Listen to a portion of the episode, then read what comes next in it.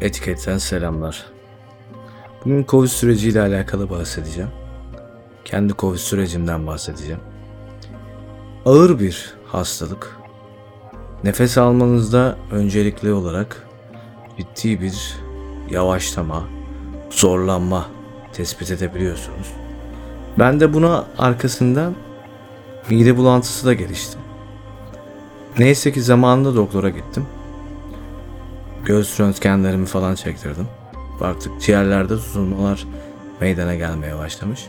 O da tabii ki haliyle yormaya, nefes alışverişlerimde benim hayat kalitemi düşürmeye başlamıştı. Özellikle mide bulantısı, baş dönmesi gibi faktörleri yaşayan bir birey olarak COVID ciddi anlamda insanı vuran bir hastalık. Maskenize, mesafenize eldivenize mutlaka dikkat edin. Ben de öncelikli olarak diyordum ki bir şekilde atlatırız ama zor. Gerçekten zor. Genç olmama rağmen vücut olarak, zihin olarak, mantık olarak beni çok yordu. Umarım kimse yakalanmaz. Onun dışında sosyal medya yasasından bahsetmek istiyorum sizlere. Sosyal medya yasası bildiğiniz gibi VK ve YouTube platformları Beni VK çok fazla ilgilendirmiyor. YouTube ilgilendiriyor. YouTube platformu ülkemizde temsilci atacağını açıkladı.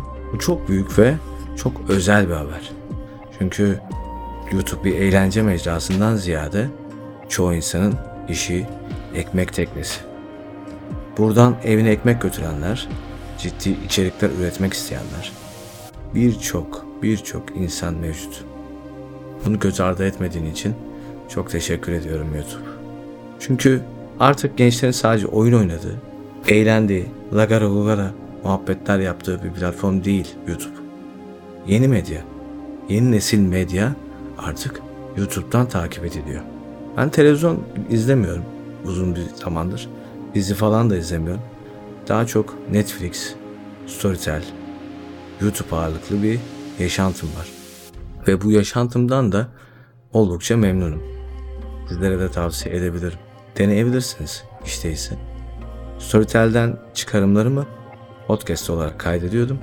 Artık YouTube kanalımda bunları podcast olarak kaydetmeye çalışacağım. O neden nedir ki? İnanıyorum yetkililerden biri bu podcast'i, bu videoyu her ne diyorsanız bunun adına dinlerse ve haberdar olursa bunu söylemek istiyorum. YouTube'da güzel projeler yapın. Yapacağınıza da eminim. Birçok üniversitenin zaten eğitim materyalleri de YouTube'da yer almakta.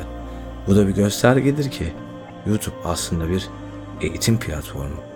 Birçok programın, birçok kullanmaya veya tadilat yapmakta olduğumuz materyalin eğitim, öğretim videolarını YouTube'dan bulabiliyorsunuz. Birçok kutu açılışını veya elektronik materyallerde yaşanan deneyimleri de YouTube'dan tespit edip izleyenlerden teşekkür ederim.